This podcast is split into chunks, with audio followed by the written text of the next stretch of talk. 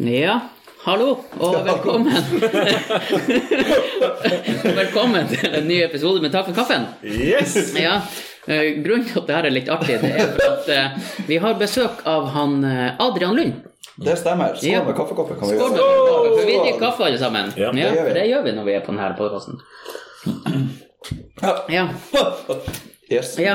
Det var ti, ti, ikke ti minutter stillhet, det var ti sekunder stillhet i Ja. starten. Og um, jeg har noen, uh, noen fakta som gjør at det er litt vanskelig for meg. ja, det kan være litt vanskelig, skjønner jeg. Nå nå var det ikke problemet å være stille, men så så jeg på noe hjørne, og så begynte han å flire. Jeg. Men faen, det var ti sekunder. Jeg har aldri hatt så lange ti sekunder i hele mitt liv. Ja, nei, for du, du har eh, tics. Det har jeg. Ja. Det er godt observert. Ja, takk. Syke. Har du- Har du gått med noe sånt brevkurs i Nei, for at jeg har jo tics sjøl. Ja, akkurat. Ja. Ja.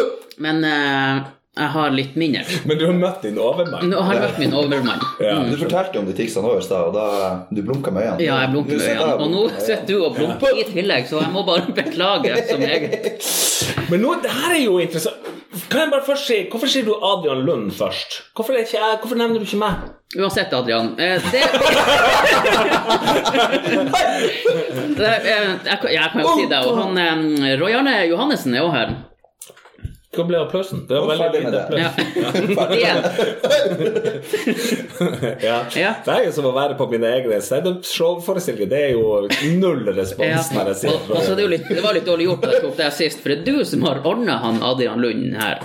Ja, det vil jeg si. Jeg tar full kred for at han Adrian Lund er i Tromsø. Nei, nei, altså, jeg, jeg skal ærlig innrømme at eh, han, han har jo klart det på egen maskin å komme seg. For en måte til at noen har klart å komme seg hit på egen hånd. Mm. Adrian har jo sykla fra Lindesnes til Tromsø og skal sykle til Nordkamp. Er du sinnssyk i hodet? Det er jeg. Og jeg kan fortelle dere en fun fact når du sykler. Sånn her, Vanligvis så står man jo opp morgenen, du tar deg en kopp kaffe. Du slipper å ta på deg beltet, for du har som regel morgenbrød. Når du har sittet over tre uker på sykkelen, så har du ikke morgenbrød lenger. Det er et fenomen jeg ikke kjenner til. Det er borte vekk etter tre uker. Så jeg er spent på når det kommer tilbake. Så har vi den eh, Det er jo et interessant tema. Hvor impotent er du nå? Det vet jeg ikke. Det her er andre gangen jeg sykler landet på langs, så jeg frykter for at det kanskje ikke blir noen avkom å sende disse fantastiske genene videre. Men, men, men det, det jeg har egentlig tenkt på helt siden han Roy Arne sa at du skulle komme hit til Tromsø, det er jo det at Tromsø Jeg sa vel jeg gir det en 10 sjanse. Ja. Jeg tror ikke han gidder å sykle så nei, for det var det jeg tenkte. Hvorfor hva, Tromsø er jo Vi bor jo i en omvei, vi som bor her.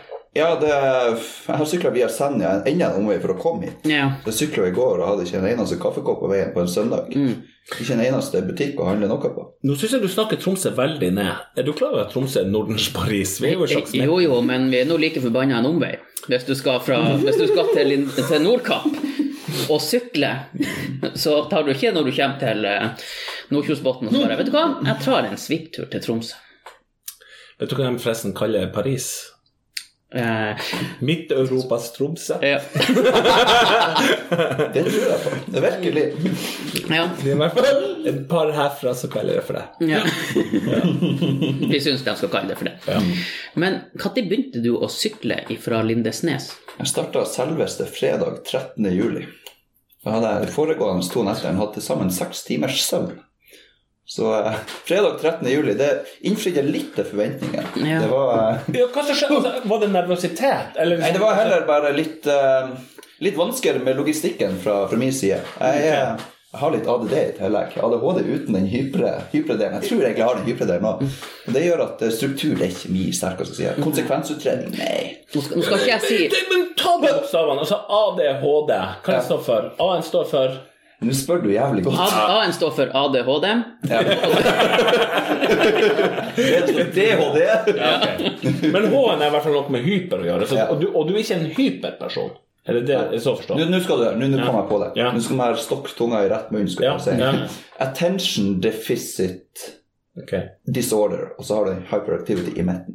Så jeg har heldigvis ikke hyperaktivitet, men jeg eh, har alt det andre. Ja, okay. Så, Ja. Sliter med konsentrasjon, og det Ja. gir ganske mange Så du, du, du slår litt med konsentrasjon, men er lat. ja, det, det. Men jeg bruker ikke å si at jeg er lat. Jeg bruker å si at jeg har ADD, og så skylder jeg på det. Ja. Nå har jeg fått ADD og Tourette, og da må jeg bruke det for det det er verdt. Ja, ja, ja. ja, ja. finger, blant annet. ja. Den blir ofte trigga biler imot når, jeg, når jeg kjører, særlig når jeg sitter på sykkel. Da har jeg ikke noe dashbord å gjemme bak. Det kommer opp sånn Hei, her er jeg! Du, Det er sikkert ikke jeg som skal stille alle spørsmålene, men kan jeg spørre om en ting? Kjør på. Altså, du har jo tics, ikke sant? Ja. Så, som en del av Tourettes. Så du, du, og de er både fysisk og de er verbal. Ja. Sånn at du, du er liksom Du sier ting, og så viser du Det har du gjort noe flere ganger til oss. Jeg syns jo det er koselig. Du har vist fingeren til han Daniel 14 ganger. Du kom for ti minutter. Siden. Det er rått, det. Det her er det jeg lurer mest på. Men, men, og så kan du rope sånn 'jævla homo' eller altså et eller annet sånt. Altså, det er selvfølgelig det verste, sant? Ja, det, Man roper jo det man virkelig ikke burde rope. Ja, ja, ja. Selvfølgelig. Sykler forbi en MC-klubb her. Å, fortell nå! Ja, Hold kjeft. Nei, det gjør jeg ikke. Så, ja. Ja. Men nei, det er det jeg lurer på. Men er det iblant at du tenker Jeg syns han er en jævla homo, og så kan du bruke liksom, Tourettesen til å skjelle litt på deg. Skjønner ja, jeg bruker jo den for det det er verdt. Ja. Det- altså at du viser fingeren Altså Kanskje noen, et par av de gangene du viser fingeren til Daniel, så mener du virkelig 'fuck off', Daniel. Ja, men veldig ofte så har ticsene kontakt med underbevisstheten. Det ser du også med musikk og sånt. Ja. Ticsene kommer som regel når det er en rytme, så følger rytmen ganske godt. Så jeg Ja, har ok. sånn en rytmeboks.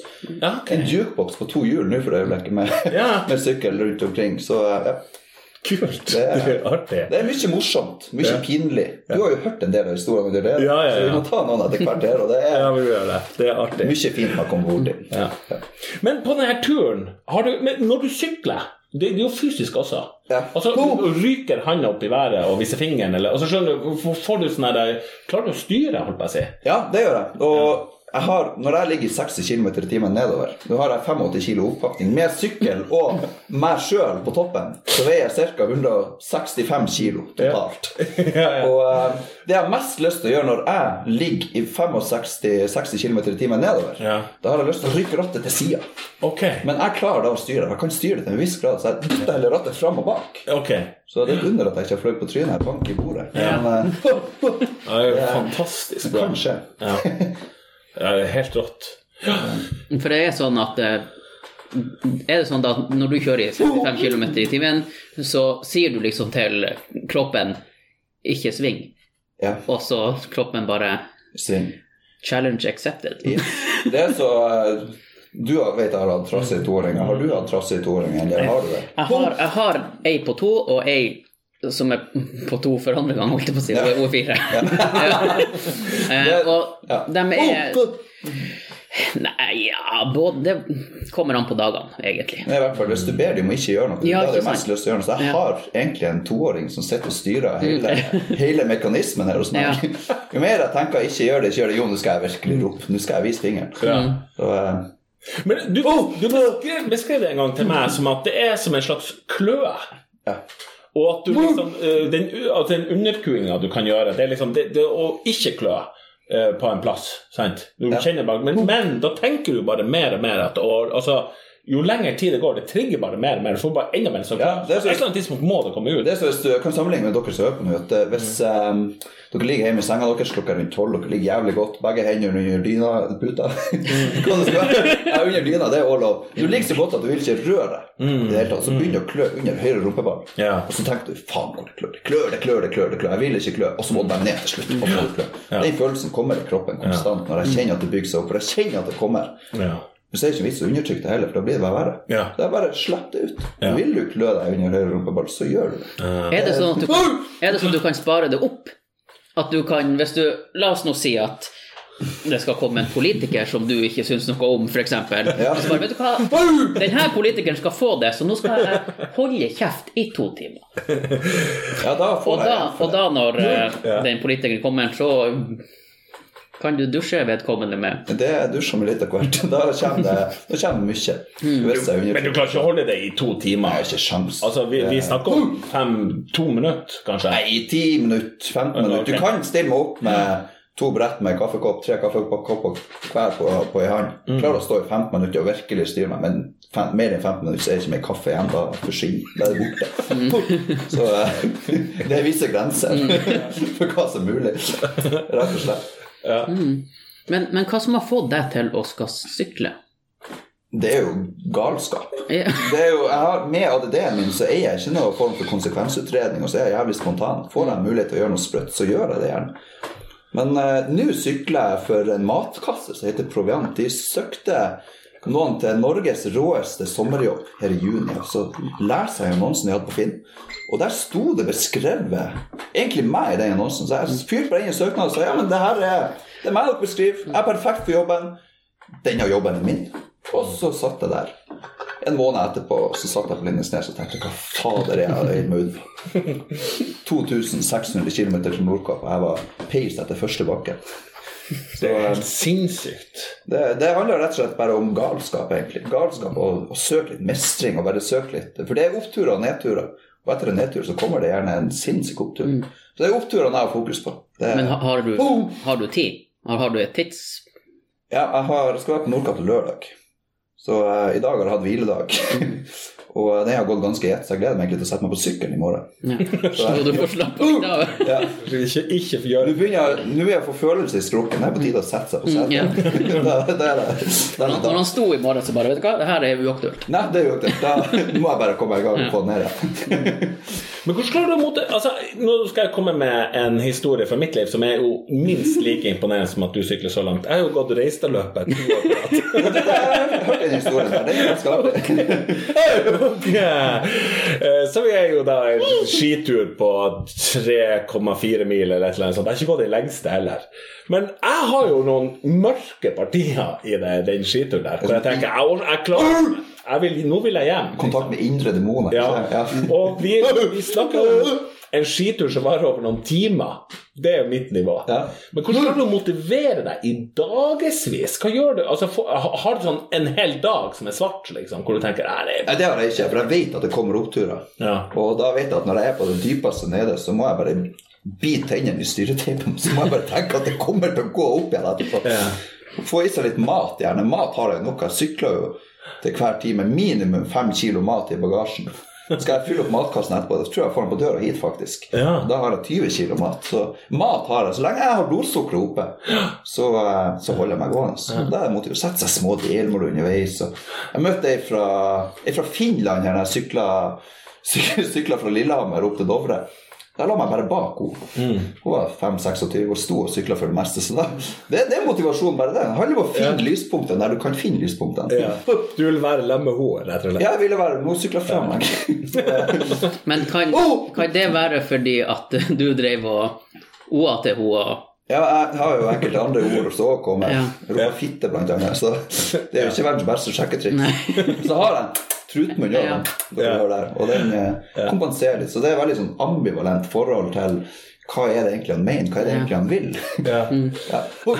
Men det kan godt hende at jeg er skremt, og det- Du skal ikke se bort ifra det. Men det var kanskje det hun trengte for å komme seg opp Dovre? Det kan være. Da, der, så der har du lyst på Ja. drivkraft Se, se, se mulighetene i stedet Så neste så bare! Hvor er han der? Ja. Nå er han stille. Da er det noe Men redsel, det er jo en bra drivkraft. Ja. Nei, for, sånn, ellers så, Jeg har jo en teori på sånn, Du vet Roald Amundsen som gikk til Sydpolen? Her er min teori. Bitterhet. Jeg tror han var i lag med ei Bertha, så ble det slutt. Og så gjør han som menn gjør, gikk i skogen og høgde ved. liksom. Bare at han tok det helt ut. Han bare Fy faen, jeg vet ikke hva, jeg går så langt unna jeg kan. Ja. Ja, men, og, og det er jo, det er jo trefritt der nå, så han har jo Ja, ja. Og så får du jo ut av det. Han er jo på frimerket, eh, rett og slett. Ja. Ja. Vil dere på frimerke? Kanskje.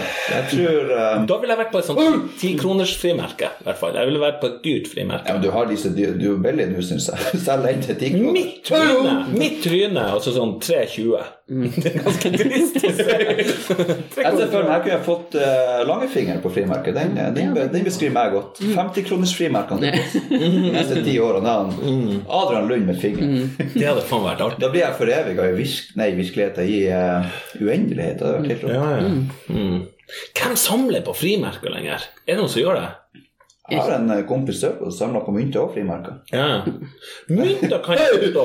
Ja, det kan jeg forstå. Ikke at jeg gjør det, men Jeg vet ikke. Det er for, for jeg tenker det er liksom sølvpenger. jo, det, det, det, det er jo hver jeg ser den her myntreklamen bare Ja, bli med, det her er kjempefett. bare Ja Det hadde vært fett å ha litt mynt, da. Konsekvensutredning. Ja. Nei, det kjøper jeg. Ja. Hvorfor i faen kjøpte jeg det?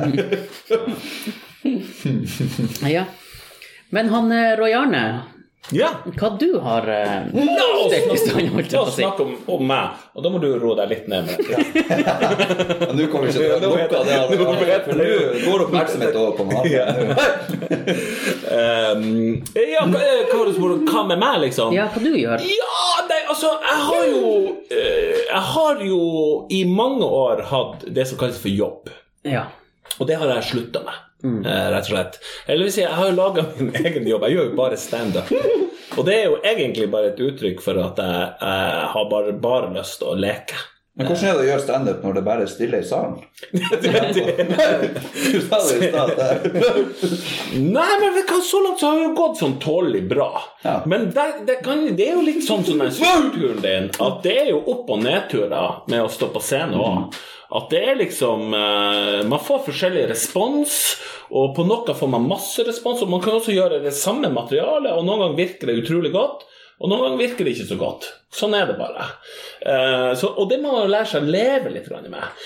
Jeg tror jo de komikerne som er best En annen komiker enn meg som jeg egentlig har sagt der, som sier at eh, at når man holder på en stund, så merker man at man blir mye jevnere. Man blir flinkere til å være jevnt over flink på en eller slags måte. Flink i denne settingen er jo å være morsom, altså at man er artig.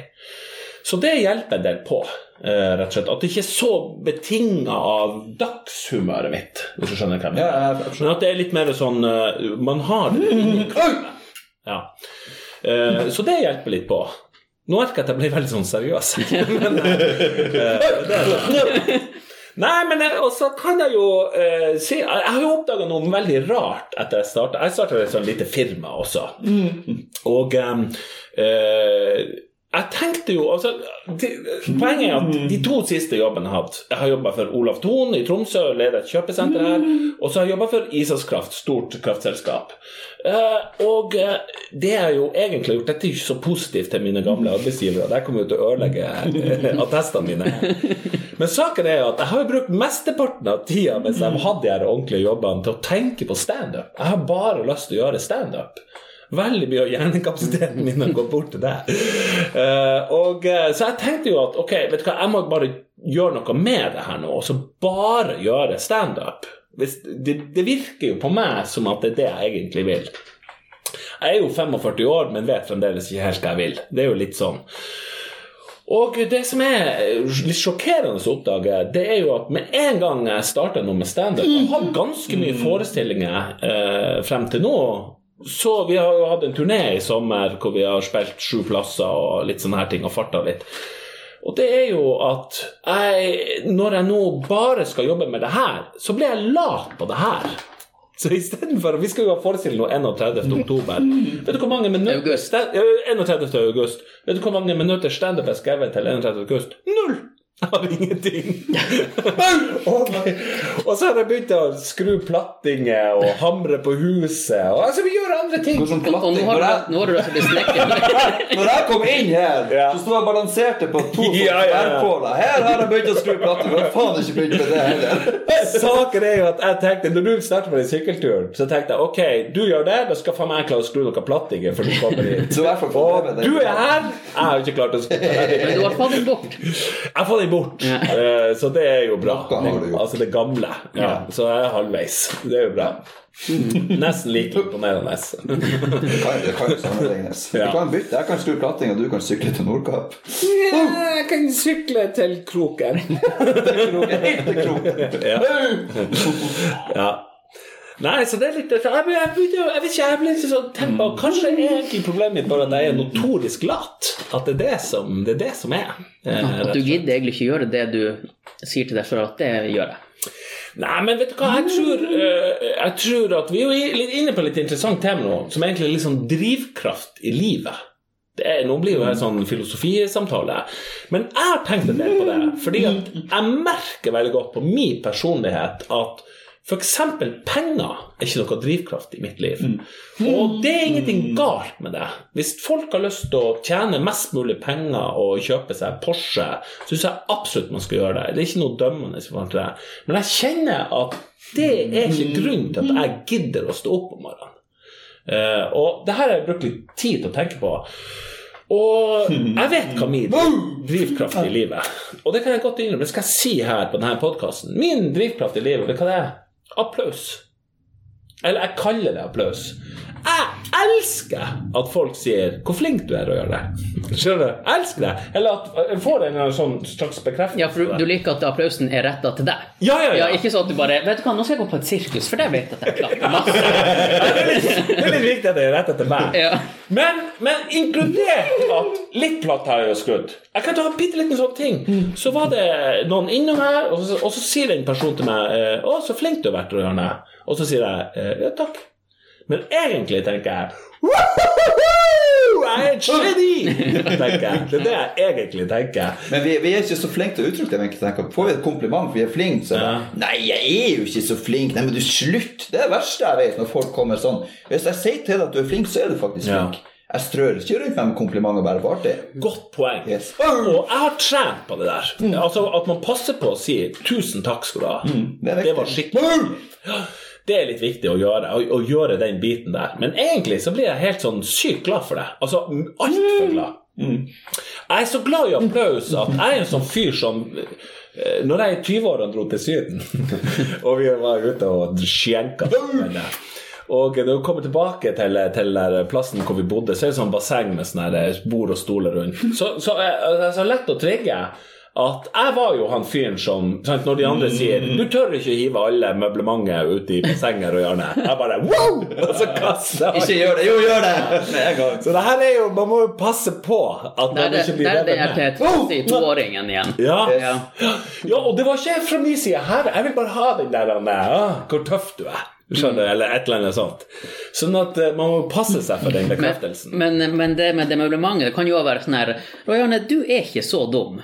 Mm. At du hiver alt møblementet ut i bassenget, og så du bare Jeg er så dum! Se her! ja, ja.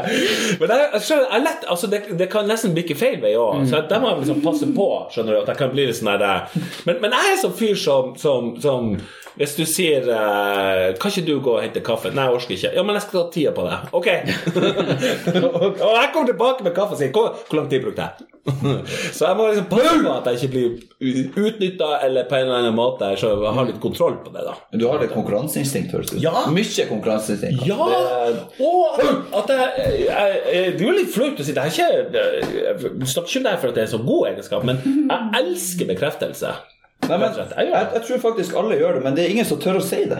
Ingen som tør å si at de er glad i oppmerksomhet og applaus. Er mange som er det. Vi har jo janteloven som står der oppe. Mm. Du skal ikke si at du er god på noe, eller si 'yes, jeg er så jævla dyktig'. Du skal ikke være glad for applausen du får, du skal si 'nei, det er ikke noe'. Jeg husker jeg, jeg så et eh, intervju med Jeg tror det var Sigurd Russfeldt, som da hadde skåret hat trick for tidlig i en eller annen kamp. Og så ble han intervjua etterpå, og han var jo stjerna på banen.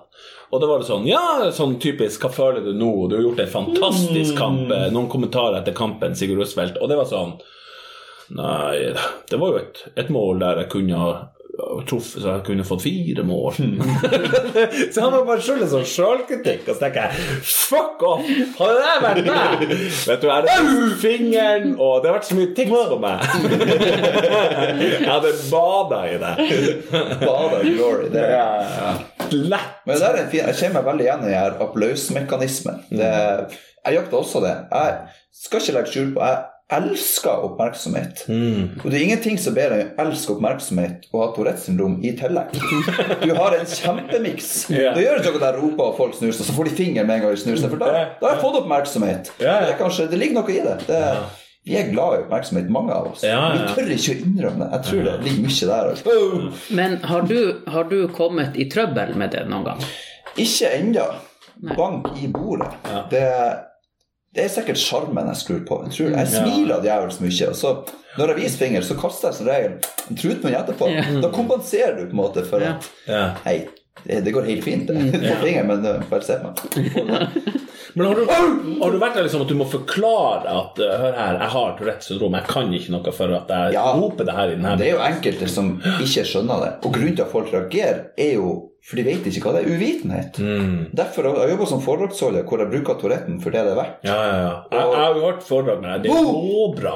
Du er rågod. Tusen Ja, takk! men- Åh. Ja, yes! Du, er, du er skikkelig flink, altså. Jeg må bare si det. Det er råartig å høre. Det er fint å høre. Ja. Se hjertet ditt. Ja, det må jeg si. Eh, Ja, hvis folk ikke har hørt eh, han Adrian holde foredrag, så må man få det med seg, for det er kjempebra. Virkelig. Det anbefales.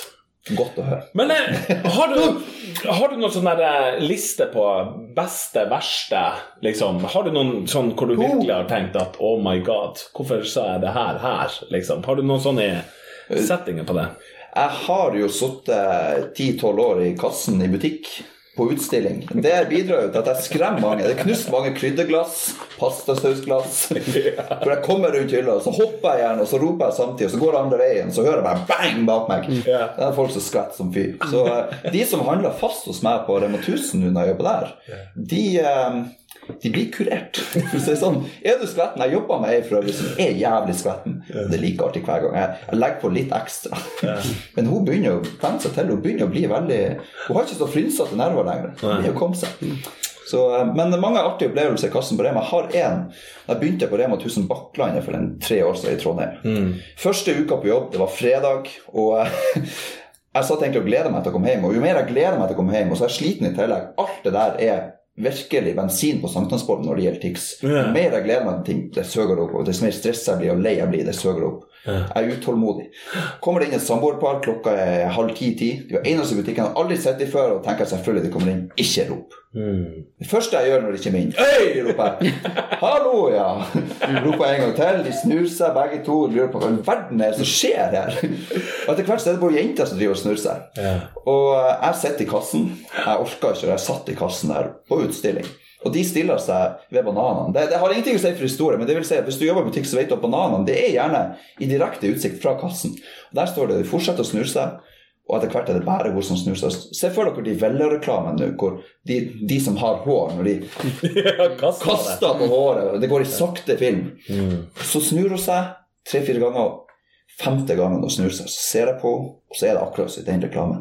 Hun snur seg sakte, og jeg kjenner det å snu seg sakte tar flere sekunder. Så kjenner jeg rundt, rundt munnpartiet, under, under skjegget og barten Her begynner det å krampe seg litt. Jeg skjønner jo hva som skjer, lenge før det skjer. Og så ser jeg på skal skal demonstrere det på deg. Jeg ser jo øynene, hun ser på meg, og så bare Jeg leppen mot det der fem-seks meter unna kassen. De står med bananene og finner ut om vi skal kjøpe én eller vi skal kjøpe to, så de har en å spise òg. Og, og da um, sitter jeg i kassen og tenker jeg vil bort herifra. Hadde jeg kunnet brette meg sammen som en 50-lapp og lagt meg nedi skuffa lokalt, så hadde jeg gjort det. Plinger jeg på, kommer Bernt og tar over, og de her går ut. Og de var borte, heldigvis. Men det viser at jeg var faste kunder, så de kommer tilbake hele tida. Hver gang. Så eh, hun kikker på typen. Typen kikker på henne. Jeg hadde bare lyst til å forsvinne. Men uh, de her uh, Touretten var inngangsporten til å bli kjent med de her. Ja. Så jeg flørta med damene, så kasta truten min ut og hver når de var på, på butikken. Hun var for øvrig ganske fin òg, så det er også en trigger. Jeg tenker, hun er fin, ikke hiv leppe. Jo da, det skal du gjøre. så ble det en sjargong uh, i det. Ja. Og uh, da ble det heller at den åpenheten og den tryggheten jeg visste på at ja, men det går fint, jeg har bare tics, Ja. så fikk jeg den tilbake, og da var det helt greit. Det null stress. Kult. Så en artig situasjon som eh, Ja. ble ganske fin etter hvert. Ja. Kult. Bra. Oh, oi. Enn du, Daniel? Du driver jo med standup. Ja. Ja. Fortell, fortell. ja. Nå har jo jeg vært på scenen to ganger. Det har jeg jo snakka om før i podkasten. Ja. Ja. Så jeg har jo hatt eh, ja, en opptur og en nedtur. Nedturen var Finnsnes? Nedturen var Finnsnes, ja. Ja, ja. Jeg så deg jo på Finnsnes, og jeg har jo hørt deg på podkast før hvor du liksom mener at du ikke var så bra, men jeg syns jo at det var faktisk veldig bra, det du gjorde. Jeg syns jo utfordringa var jo at publikum var kanon dritings klokka kvart over fjøstid. ja. Så det var De, de var vel ikke der for å høre på standup heller. Nei, det, skulle, altså det ble litt sånn det, Konseptet funka ikke kanskje helt. Tror vi måtte gjort det på en litt annen måte. Det tror jeg vi lærte litt av.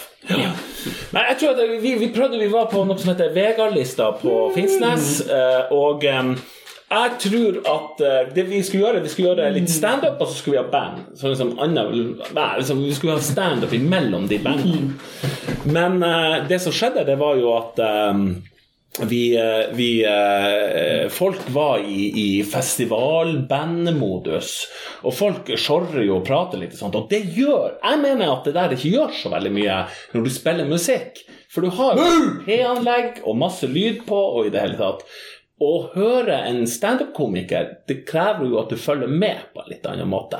Og særlig også når du står på scenen og folk sitter heller og prater med hverandre i salen. Du blir veldig var på at de følger ikke med. Ja, Da- det er nettopp det. Ja, det, det er nettopp Det er det. Ja, så det er, det er en, ja, det er akkurat det der. Det er en hard setting å være i.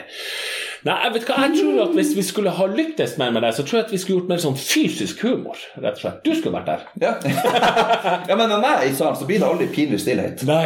Det ser jeg før må jeg skal på standup-scenen. Ja. Når jeg skal. Ikke hvis jeg skal, men når jeg skal. Ja, ja, ja. Så uh, er det en dårlig vits, så fyrer av gårde en finger eller roper et eller annet stygt. Og så blir det ikke pinlig. Har du, har, har du gjort, har du gjort standup? Jeg har ikke gjort standup. Jeg gjør det, jeg har en, en del segment i foredragene mine hvor folk flirer under bordet, Ja, men ja.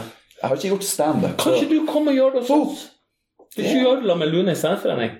Det kan jeg selvfølgelig gjøre. Nå er det på tape her, så når, når du sier ja nå, så er det jo forpliktende. Det er jo som en skriftlig avtale. jeg sier eh, ja, og så tenker jeg ikke konsekvenser. Og så er jeg bare spontan. Ja, men det gjør jeg. Det er helt greit. Ja, bra. Det er glad i utfordring. Ut av komfortsona. Det er Det bare er greit. Du, du får en spot her og nå, så finner vi et tidspunkt. Og så vi. får vi annonsere det når det skjer. Jeg, får, eh, jeg må komme inn i, i puselagboka mi og finne, og finne datoer mellom foredragene til høsten. For jeg har ikke peiling på etter tre og en halv uke i Norge på Langsbobla hva som skjer til høsten.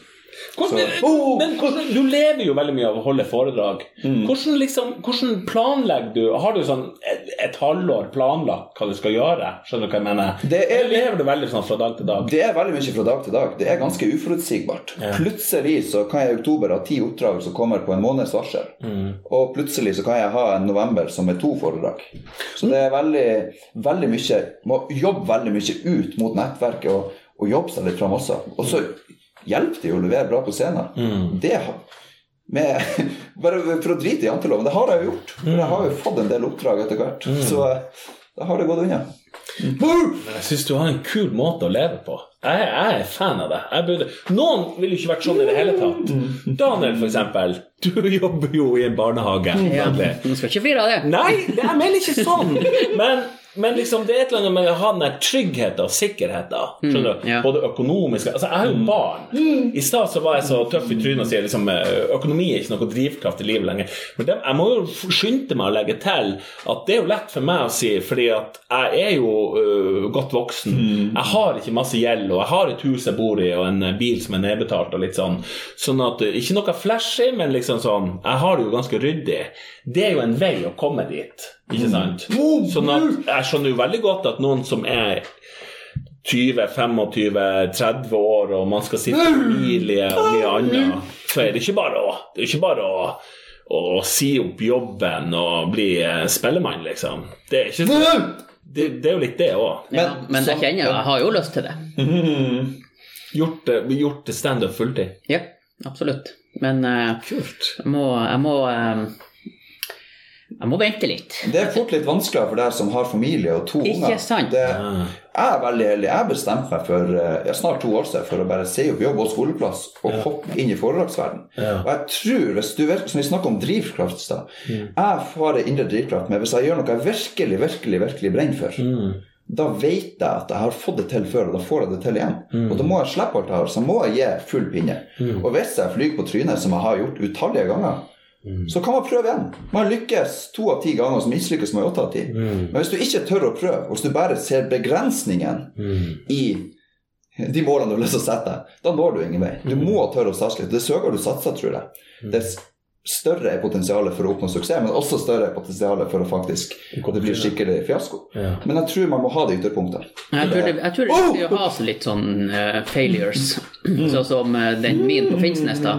Eh, nå tenker jo jeg at det, det blir ikke så galt som på Finnsnes.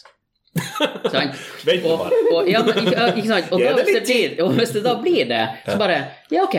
Mm. Men det blir nå ikke så galt som det her, da. Ja, ok. Ja, så at jeg hele tida vil Ja, men jeg liker tankegangen. Det der er en veldig fin tankegang. Ja. Man kan se tilbake på at det har alltid vært verre. Har vært jævligere. Men det er jo én ting som er helt ufattelig fet med standup, og det er jo at hvis du har gått på trynet noen ganger i livet, så kan du jo bruke det i standup. Det er jo gull. Det er jo veldig få jobber jeg vet om hvor du kan bruke tabbene dine og failuresene dine og de dårlige sidene, som blir fantastisk underholdning. Og jeg syns de, de beste komikerne, de som tuller med seg sjøl og har selvironi, Mm. det er det man flirer av. Mm. Og det er en hårfin linje der om man tuller med andre, og hvor langt skal man gå før det går over til trakassering, f.eks. eksempel Men tuller du med deg sjøl, da har du ganske stort hakk i det. Ja, men vet du hva jeg tenker ofte? Jeg tenker ofte at når jeg forteller noe fra mitt liv hvis Jeg, jeg har f.eks. Eh, i flere sammenhenger tatt frem for en dårlig far. jeg. Altså, jeg er ekstremt glad i ungene mine, og jeg vil veldig gjerne være god far. Men jeg gjør mye tabber. Og mye, mange ting som jeg tenkte det her skal bli en perfekt søndagsmiddag, og det blir alt annet enn det. altså. Men jeg tror ofte at når noen flirer av meg, så flirer man speiler seg sjøl. Så flirer Nei, man ja. litt av seg sjøl. Og til og med de som ikke har barn, på en måte, tenker jeg ja, så dårlig far ville jeg ha vært. Sannsynligvis. Eh, Det er noe med det. Så du legger fram historier som folk kan kjenne seg igjen i, det er da de flirer. Ja. Det, er, det det. er- det er kjempevirkemiddel. Ja. Gull. ja. Kult. Du, eh, hva du skal bli når du blir stor, eh, Adrian? Jeg har ikke peiling. Jeg tipper når jeg er 45, så er jeg der du er, at jeg aner ikke hva jeg skal gjøre. Det er helt sikkert. Jeg har sikkert uh... Så jeg er de utgavene av deg, bare i jeg, jeg tror det er uten tics som er litt lavere hårfeste. Jeg har for øvrig for første gang på denne turen blitt solbrent helt baken. Nå viser nå viser jeg guttene her månen min. Ja, ja, ja. Men du, du har gryende måne. Jeg har det. det Men sjekk her. Sjekk her. Jeg har òg god eh, Men du er så heldig at du har litt hår på toppen. Når jeg lar håret vokse, så vokser det bare utover. Så du satt en sånn der knott på toppen, så jeg ser ut som en legomann som sparer hår i to måneder. Så at jeg har den sveisen her Jeg var hos en frisør. Det begynner jo å bli tomt eh, på toppen her. Og hun sa eh, Og så diskuterer vi litt sånn Hvordan skal jeg klippe det? Og, sånn. og så sier jeg, som jeg ofte sier Det syns jeg er rart at frisører spør meg om hvordan jeg vil at de skal klippe meg. Jeg er jo ikke frisør. Det er jo ikke jeg som har spisskompetanse på det her. Så jeg svarer ofte med Bare få meg så pen som mulig. Det er jo du som er eksperten. Ikke begynn å blande meg. Skal he- øh, håret være over ørene eller ikke? Eller, det vet jeg noe om. Det må du ta en eh, ekspertbeslutning på. Men eh, da sa hun dame her eh, Nå skal vi, vi skal klippe deg litt sånn svensk sveis, sa hun. Det Og det er det jeg har! Jeg har sånn, eh, sånn eh, svensk sveis. Ja. Men når du sier det, så var det litt svensk over det, faktisk. Ja, eller ja, ja, Kjenner Tjena, grabben. En liten, liten eh, sånn eh, hot svenske. Så har du anlegg bak her, så er det Har du hatt hockey før? Ja, ja. Det ser jeg, for du har det i manken. Du kan lett ha en hockey Ja. enda. Jeg har hatt eh, langt hår to ganger. I mitt ganger, liv. ok. To ganger i mitt liv. En gang sånn midt på videregående, og så uh, første år på jussen.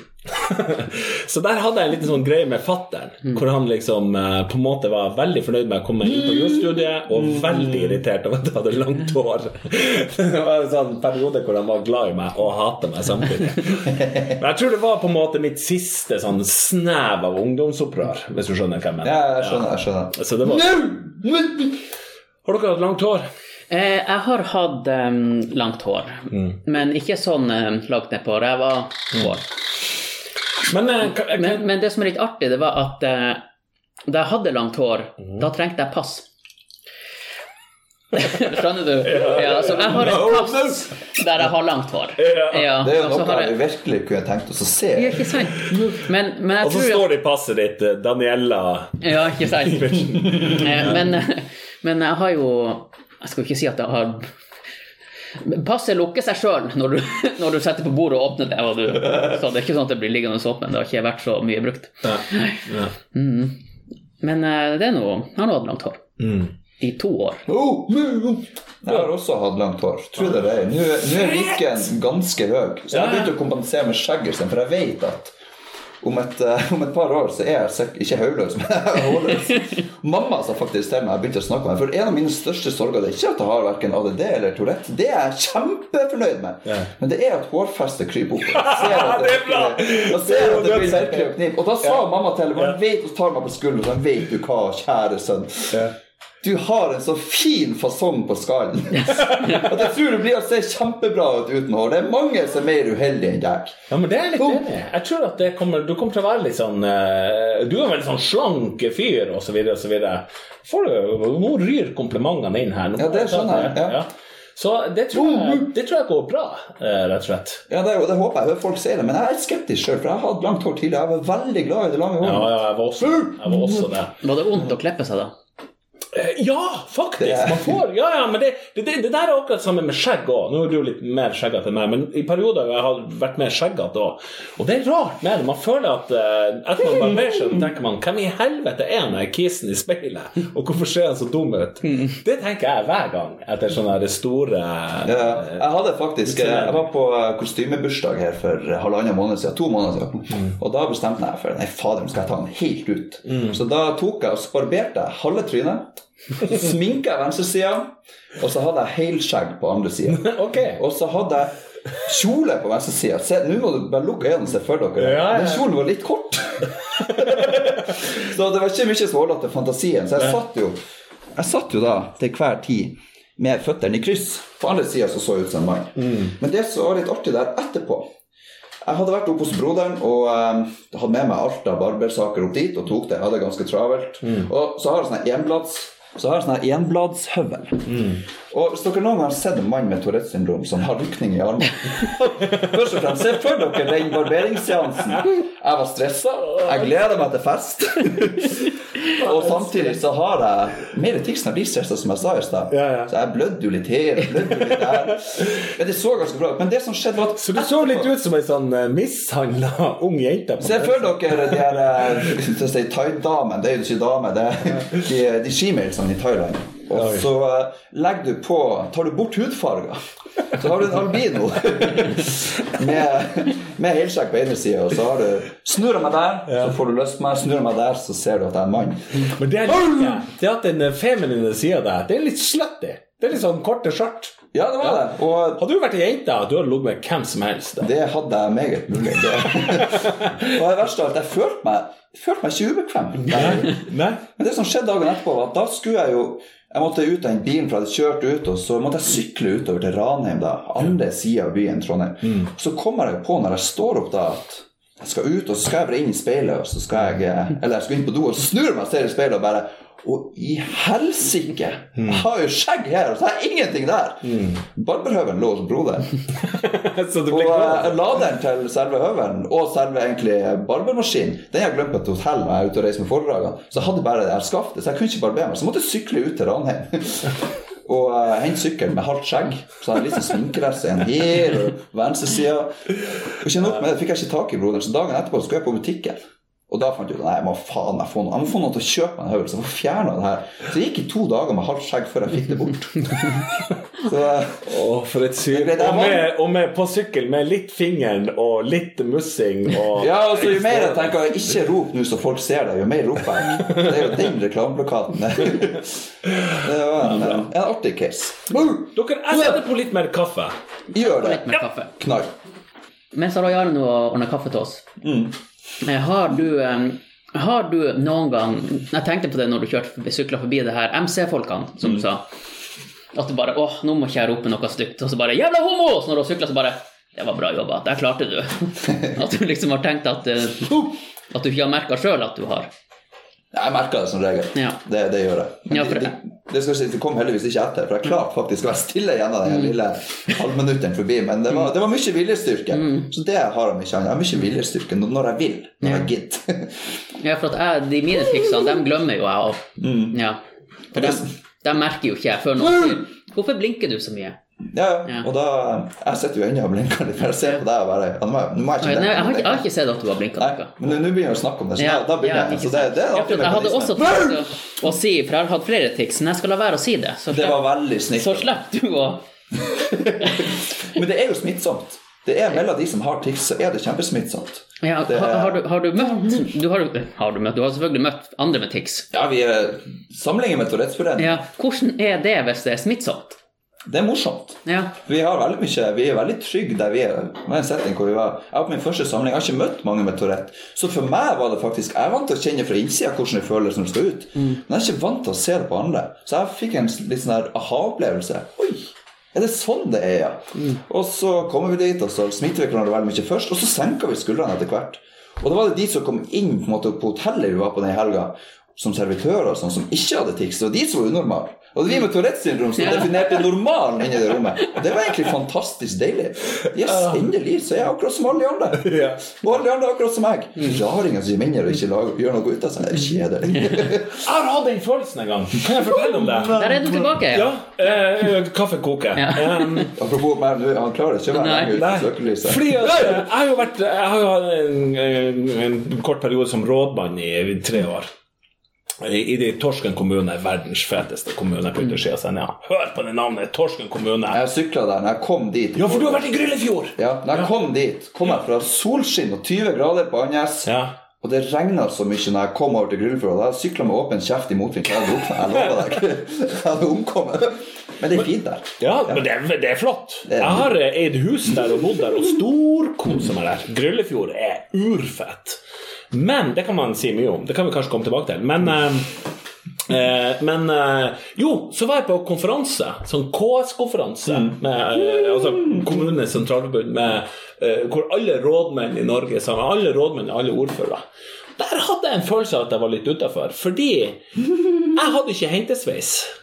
Og jeg var i betydelig mindretall. Jeg hadde ikke den klassiske Klassiske rådmannutseendet som jeg følte. Og jeg kjente jeg ble litt sånn hentesveismisunnelig, eh, rett og slett. Jeg skulle spart ut på den ene sida, barbert meg og lagt det over. Kanskje gjør det. Ja. Hvis jeg tar håret og viser fram den fine skalleformen min med 62 omkrets rundt, så tar du hentesveisen. Men du, kan du ikke det, i stedet for å bare shave det helt, kan ikke vi gjeninnføre hentesveis? Det hadde jo vært fett! Og det tror mamma blir glad. Ja, men fordi vi tenker nå Det er jo det teiteste i verden å ha det, men tenk nå på det her. Altså, Det går jo sånne looper, sant? Slengbukse var kult i 1970, plutselig ble det kult i 1992 òg. Hvis, hvis noen av dere levde i 1992. Ja, men det, Plutselig ble det inn igjen på en slags måte. Skjønner Ting går jo sånn her ja, ja, ja, Jeg er urgammel. Jeg, jeg vet at alt går i sitt. Så jeg bare venter på når det kommer hentesveisen tilbake. Det må, det må jo være et tidsspørsmål før det kommer. Det må jo bli Han har jo begynt å innføre den eh, store mannen borti USA. Ja, Det er jo ja. mange som kan se, se opp eller ned på den, det vet jeg ikke, men eh, Ja. det, jeg tror kanskje det er grunnen til at det ikke kommer tilbake nå. Det er ingen som vil ha hentesveisen lenger. Jeg ville i Ja, jeg, jeg er også litt uenig med han Roy Arne. ja. Hva? Ja. Ja, det, Jeg tror ikke hentesveisen. Jeg tror ikke hentesveisen kommer tilbake. Tror du ikke det? Nei, jeg tror ikke det. Nja, men jeg trodde at litt sånn der en eh, oransje, eh, eh, invitar, litt sånn 70-tallsinvitar, det ville aldri komme tilbake. Men det kom tilbake i sånn der ja, begynnelsen av 2000-tallet. Da var det plutselig fet å ha det. Uh, come on, come Jo, jo, men det, det blir liksom Det blir litt annerledes. Jeg tror ikke Jo, det. jeg tror det blir litt annerledes. Nei, jeg tror ikke det. Jeg tror man, det, der kan man synes er fint og mindre fint. Det går i sånne her intervaller på en eller annen slags måte. Ja, men jeg tror ikke hentesveisen kommer til å okay. Men det, det kan godt hende at jeg tar feil, men jeg tror ikke jeg tar feil. Faren min har jo jobba 41 år på SAS-hotellet i Tromsø. Ja. Og han fortalte at eh, Du vet den hvite delen av SAS-hotellet? Sant? Altså ikke den nybygde, Den gamle, gamle hotellet. den ga Ja. gammeldelen av hotellet. Så husker jeg sa en gang til han at du, hvor kom ideen av å, liksom, å legge sånne hvite metallplater på et helt bygg? Men da sa fatter'n at nei, men altså, når det sto ferdig, så var det det vakreste i verden. Alle syntes det var helt fantastisk. Og så kommer det en periode hvor man blir lei av det, og så er det ikke så kult lenger. Så det tror jeg òg vil komme tilbake. Sånne store metallplater i hvitt på et bygg. Så det ser ut som Ja, det, en det, er jo, det er jo i svart. Det her er Kystens hus, er det det heter? Ja. Syns syns du det er fint, Kystens hus? Nei, det, det kom jo Det kom jo opp, og det fikk svarte plater. Vet du hva jeg liker med folk som eh, sånne arkitektkontor som har sittet en rar plass og funnet på svarte plater på et bygg i Tromsø? Det går to uker, så det er nedskjetten av, Av ski. masse. Ja. Så kvitt det uansett. Det syns jeg er litt fint. Ja. Nå eh, tenker jeg, nå kjører jeg eh, Jeg har veldig mye sosiale medier underveis på denne turen her. Ja. Så jeg sitter jo med et kobbel med batteri og bak. Så nå skal jeg kjøre en meningsmåling på Insta-storyen til Proviant. Ja. Ja eller nei til hentesveis? ja, det er fint. Få det ut der. Hentesveis tilbake i motebildet. Ja. ja eller nei? Nå er jeg spent. Nå Jeg håper jeg lever lenge nok til at hentesveisen kommer tilbake. Da skal jeg kjøre det. Jeg har anlegg til det. For det er god hårvekst på siden. Ja. Så, eh, Du har potensial. Men jeg ja. begynner å prøve å bli grå i håret. ja, jeg ser det. Ja. Jeg Ja, lurer på om det er ungene. ja.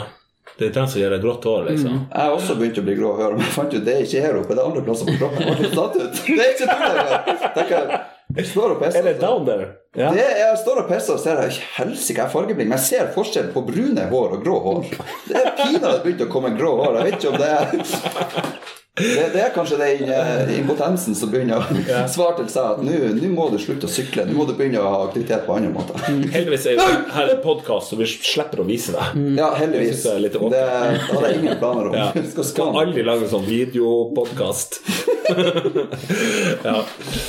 Ja, jeg vet ikke. Jeg, har også, jeg får også fått noe sånn grå hår hist og her. Men, men guttene har det jo litt lettere enn jentene der. Ja. Har vel ikke det? Ja. De slipper jo litt unna med litt sånn rynke Og man ser jo bare sånn gammel og smart ut. Gammeldeilig, er det man sier? Ja, ja, Det er, noe mye å- ja, det er det også det heter gammeldeilig. Eller gammelsexy.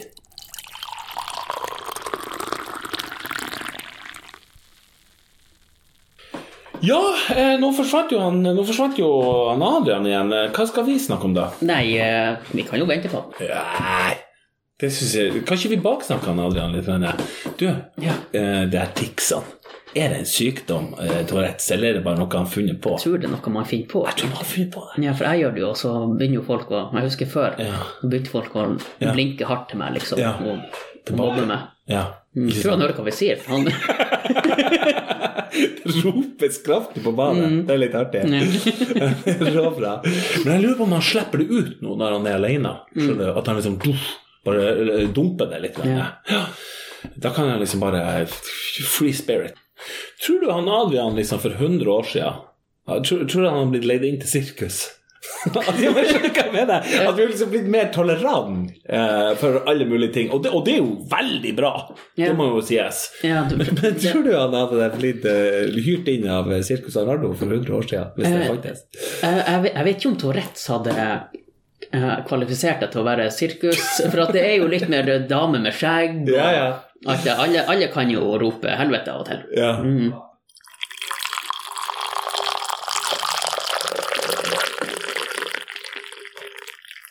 Nå er han eh, Lund tilbake. Ja, nå er Lund tilbake.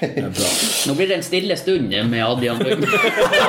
Vet du hva? Hvis jeg Hvis du lager podkast på det ja, der jeg har tenkt enten boka jeg driver og skriver, Ja. så en stille stund med Adrian Lund, eller podkasten min. Det, Å, det er gull! der har du ironien. Ja.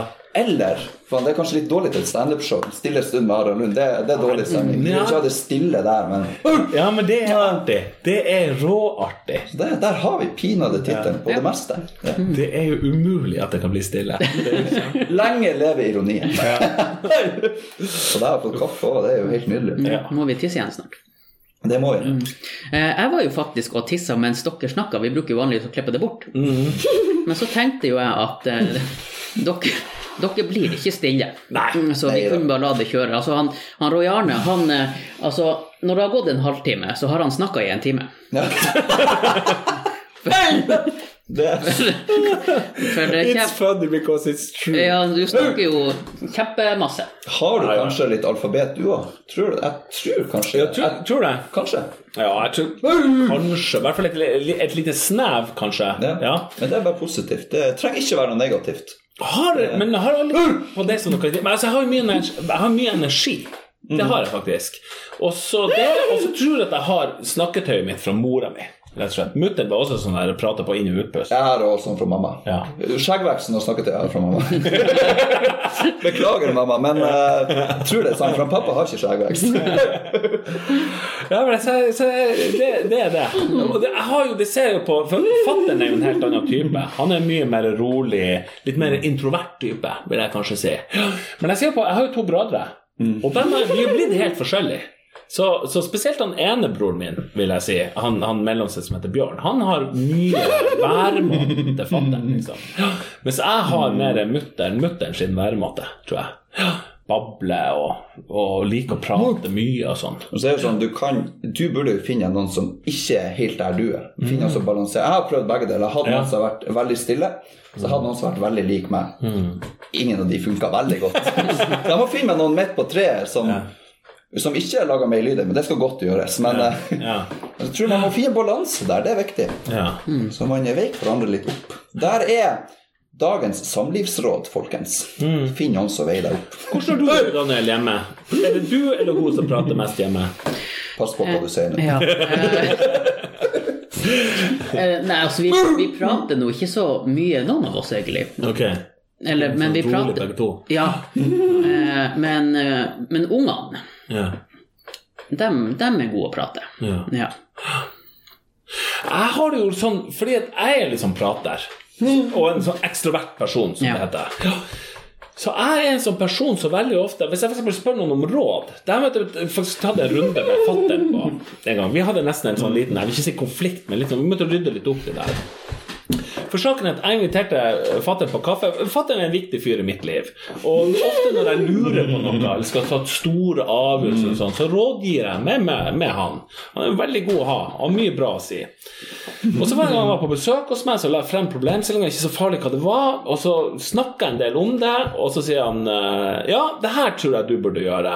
Og så hørte jeg litt på det, og så sier jeg ja, men da tror jeg jeg gjør akkurat motsatt. Gjør jeg det på denne måten. Så sier fatter'n til meg liksom jeg skjønner ikke hva som er vitsen med at du inviterer meg på kaffe, og så skal vi diskutere et problem du har, og når jeg har sagt hva jeg syns du burde gjøre, så gjør du akkurat det motsatte. Jeg kunne jo bare la være å komme.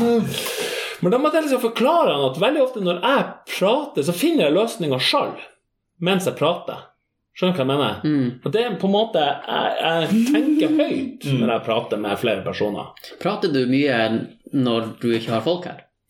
Ja, jeg prater med meg sjøl òg. Blir du enig i det? Ja, nei, og, og det er jævlig flaut da. For eksempel, en dag eh, Det her var når jeg hadde jobb i Isaskraft. Så gikk jeg til jobb en periode. Eh, og eh, så er det ei som eh, jobber på det kjøpesenteret som tar bussen dit. Så hun hadde sett meg gå.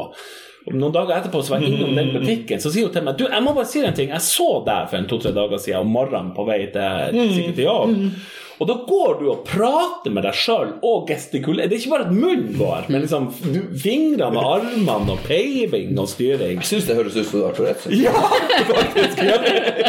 Det er Det høres Men, men jeg vet hva jeg tenkte på. For jeg gikk og tenkte sånn, det vi kaller for bits til, til standup. Bits er en, en kort historie. En, en, ja. En vits. liksom ja, Vits rimer på vits. ja, en vits, rett og slett. Mm. en spøk, eller et eller annet. Så det gikk jeg liksom på en måte og tenkte på. Men jeg, vet, jeg ser jo ikke sjøl at det kommer ut. Hvis du skjønner hva jeg mener. Jeg går prater litt med meg sjøl. Men det som funker, skal, før du skal på scenen, så står man gjerne og går igjen det man skal si for seg sjøl. Ja. Det, det gjør jeg for leg. Ja. Det høres ut som den tullingen. Det gjør jeg uansett, ja. så det, det er ikke noe farlig, det. Men eh, man må gå gjennom det sånn. Jo mer du prater det ut, dess mer Dess lettere blir det når du skal på scenen og skal prestere. Sånn har jeg det også. Sånn har jeg det også. Jeg må liksom prate igjennom det. Men jeg har en gyllen regel. Så lenge jeg blir enig med meg sjøl når jeg prater med meg sjøl, så er det greit. Men begynner å gå andre veien, så Ja. da, da er det noen glødelamper som blir tenker, Nei, nå må du skjerpe deg. Men har du noen gang når du går på scenen, at du liksom rett før bestemmer deg for å gjøre noe annet enn det du hadde tenkt? Skjønner du hva jeg mener? At du faktisk ikke bestemmer deg sjøl. At du tenker jeg skal snakke om det her sånn, sånn, sånn. Nei, vent litt. Jeg skal heller si det her. Jeg har aldri et foredrag som er likt, for jeg tar mye input fra salen, og så ser jeg plutselig ja, men der har vi en god overgang, og så kjører jeg på med den. Det er litt sånn eh, ja, intuisjon. Den passer bra inn der. Eller, Sug til med noe før jeg går på scenen og sier jeg kan knytte disse til salen. Treff til målgruppa med et eller annet som de kan kjenne seg igjen i. Det gjør du som regel like. Jeg i hvert fall like før jeg går på scenen. Når jeg har vært og mingla litt en time før. Jeg er han som går og mingler en time før, og før jeg går på scenen, er så høyt lydnivå at det er helt vilt, for da er jeg gira. Og da legger også folk merke til meg. Og da begynner jo folk å tenke, det er mange som har sagt det til meg i ettertid, at han der som går og roper og hiver armene i hytta, skal han stå på scenen i 90 minutter og prate?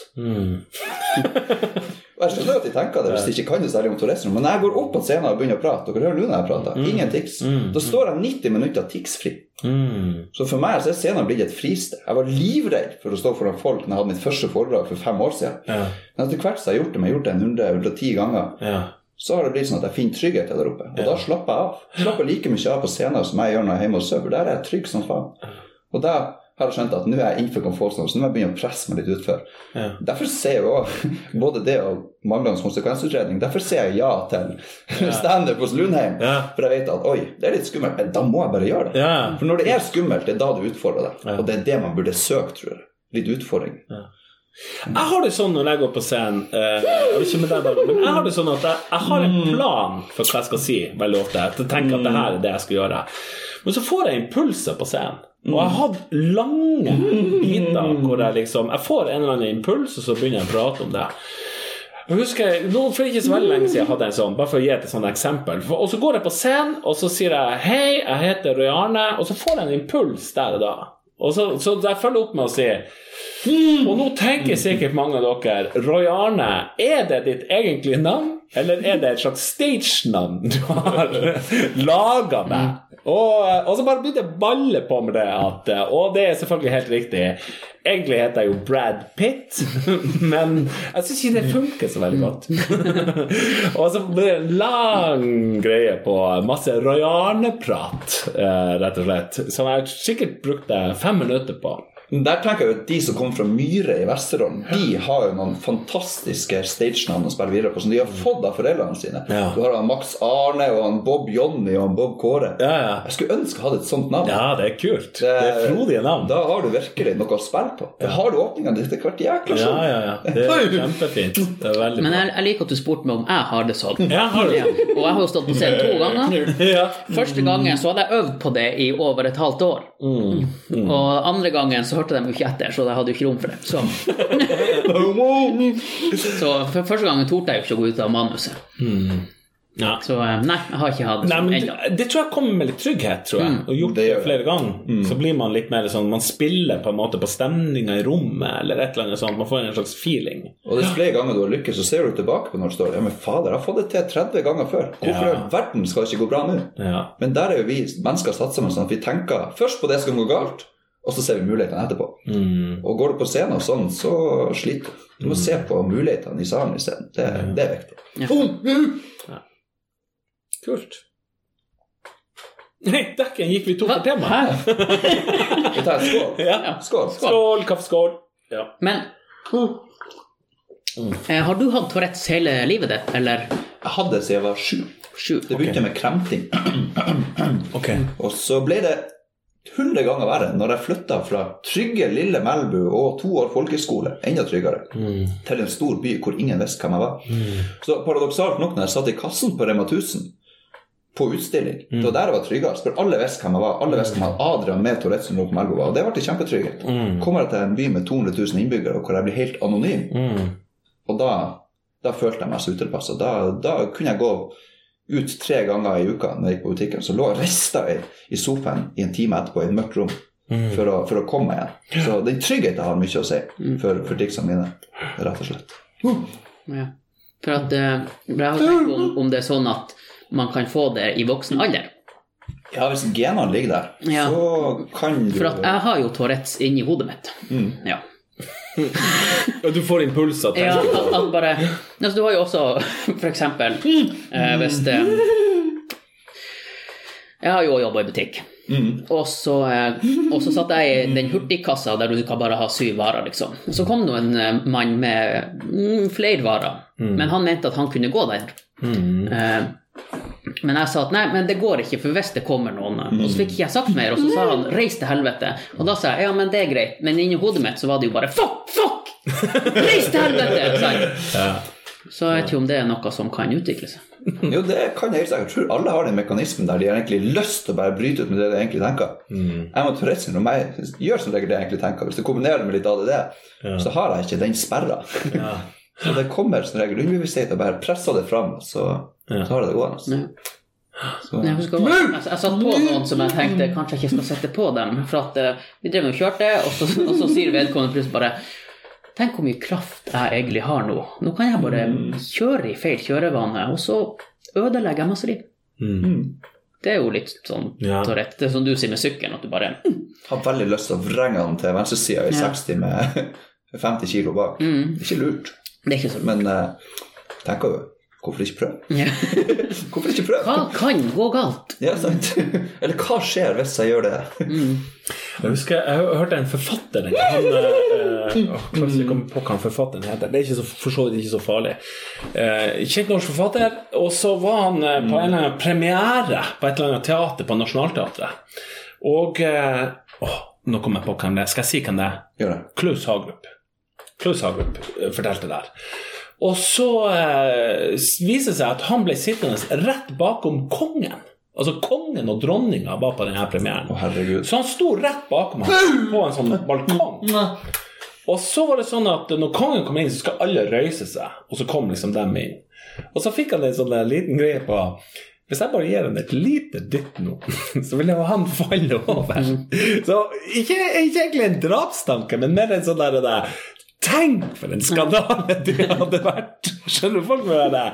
Klaus Hagerup har drept kongen! Det er jo helt sykt. Ja. Lurer på om han tenkte hvis jeg dytter han, så kanskje jeg blir konge, da. Kanskje det? En til. Jeg jobba på en eh, ungdomsklubb som var i Tromsdalen, eh, faktisk, uh, da jeg var i 20-årene. Og så var det sånn at vi hadde en sånn klubbkveld. Og, og det var litt viktig. Vi hadde en liksom prat om at nå må vi ta fint vare. Det her var på Kulta, eh, i Kulturhuset i Tromsdalen, i kjelleretasjen der. Og eh, da var det litt sånn Ja, men ikke bedriv noe hærverk og skriv så mye på toalettene og sånne, sånne her ting. Det var, vi må liksom oppføre oss litt. Og så er vi der, eh, har en sånn klubbkveld, eh, og så plutselig så blir brannalarmen utløst. Og det er full pakke. Det går jo bare noen minutter, for den gamle brannstasjonen lå jo rett nedfor. Så, gikk, så plutselig står brannbilen der, og brannmenn der, og alle måtte evakuere. Men det er jo ikke røyk noen plass og ingenting. Så når jeg går gjennom bygget, så er det altså en eller annen ungdom som har trykt på den brannalarmknappen. For det glasset er knust. Så det blir jo selvfølgelig litt sånn lettere avhør med Hei, det er noen som har trykt på den. Hvem er det som har gjort det? Og det er selvfølgelig ingen som vil melde seg til det.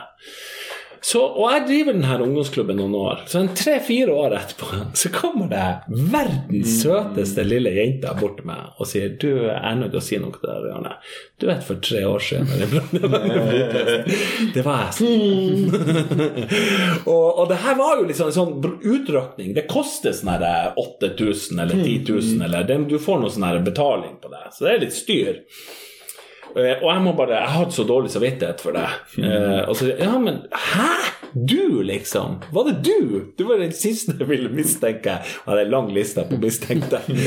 men jeg liksom Så jeg er glad jeg ikke kjørte for hardt på det. Sånn, det er sannsynligvis du, som er jo ram fra før. Jeg er glad jeg ikke tok deg. Og så sier hun ja, eh, jeg så den der røde knappen der. Og jeg, jeg klarte bare ikke å la være. det var forklaringa hennes. Og jeg må si, jeg ser den. Jeg skjønner det. Jeg kan tenke litt sånn sjøl iblant. Vi har alle den koblinga. Ja. Det, det, det tror jeg Fristende. Absolutt. Ja, nei, men det var, her var jo kjempeartig. Ja, Hadde du ikke trengt å være der, hadde du gått av seg sjøl. Tomme det Ja. Ja, nei, men eh, takk for at vi fikk komme til deg, Roy Arne. ja, bare hyggelig. Og eh, nå har jo du stått for kaffen, så tusen takk for kaffen. Ja, bare Tusen hyggelig. takk. Og så må jeg bare på forhånd si takk for husrom i natt. Ja. Det, det blir veldig bra. Ja. Jeg regner med at jeg slipper å slå opp teltet på plenen. Ja, nei, nei, vi ordner rom. Veldig Ja, bra. og så tenkte jeg jeg skulle lage middag til deg. Og litt sånn, skjønner du, Få litt sånn uh, huslig. Komme til et hjem. Ja, ja, ja. ikke det litt deilig? Da, da tror jeg heller faktisk at jeg er nødt til å lage middag til deg, for jeg reiser med den her proviantkassen. Ja, ja, ja. Jeg skulle til å si den helsikes proviantkassen, men det er det ikke. For der er det mye god mat. Åh, Jeg har masse Jeg vil gjerne bli kvitt litt vekt i morgen. Ja, Så er får jeg en ny kasse levert hit i kveld, og du får òg en kasse hos meg som takk for hjelp. Å, så bra! Det er da, da slipper du å tenke på middag de neste, neste uke. Åh, kul, Du må lage noe, det må du gjøre, men eh, du slipper å tenke på hva du skal ha. Jeg har bare lyst til å si det her mens det her er på tape, at det her visste jeg ikke. sånn at, sånn at er ikke derfor du fikk han hit. Ja, men det høres jo ut som jeg er snill på feil betingelser. Man er bare snill, rett og slett. Ja, men det er, gratulerer med mappkasse til deg. Woohoo! Tusen takk. Og så, og så får vi høres senere. Ja, vi gjør det. Ha det bra. Ha det. Ha det godt!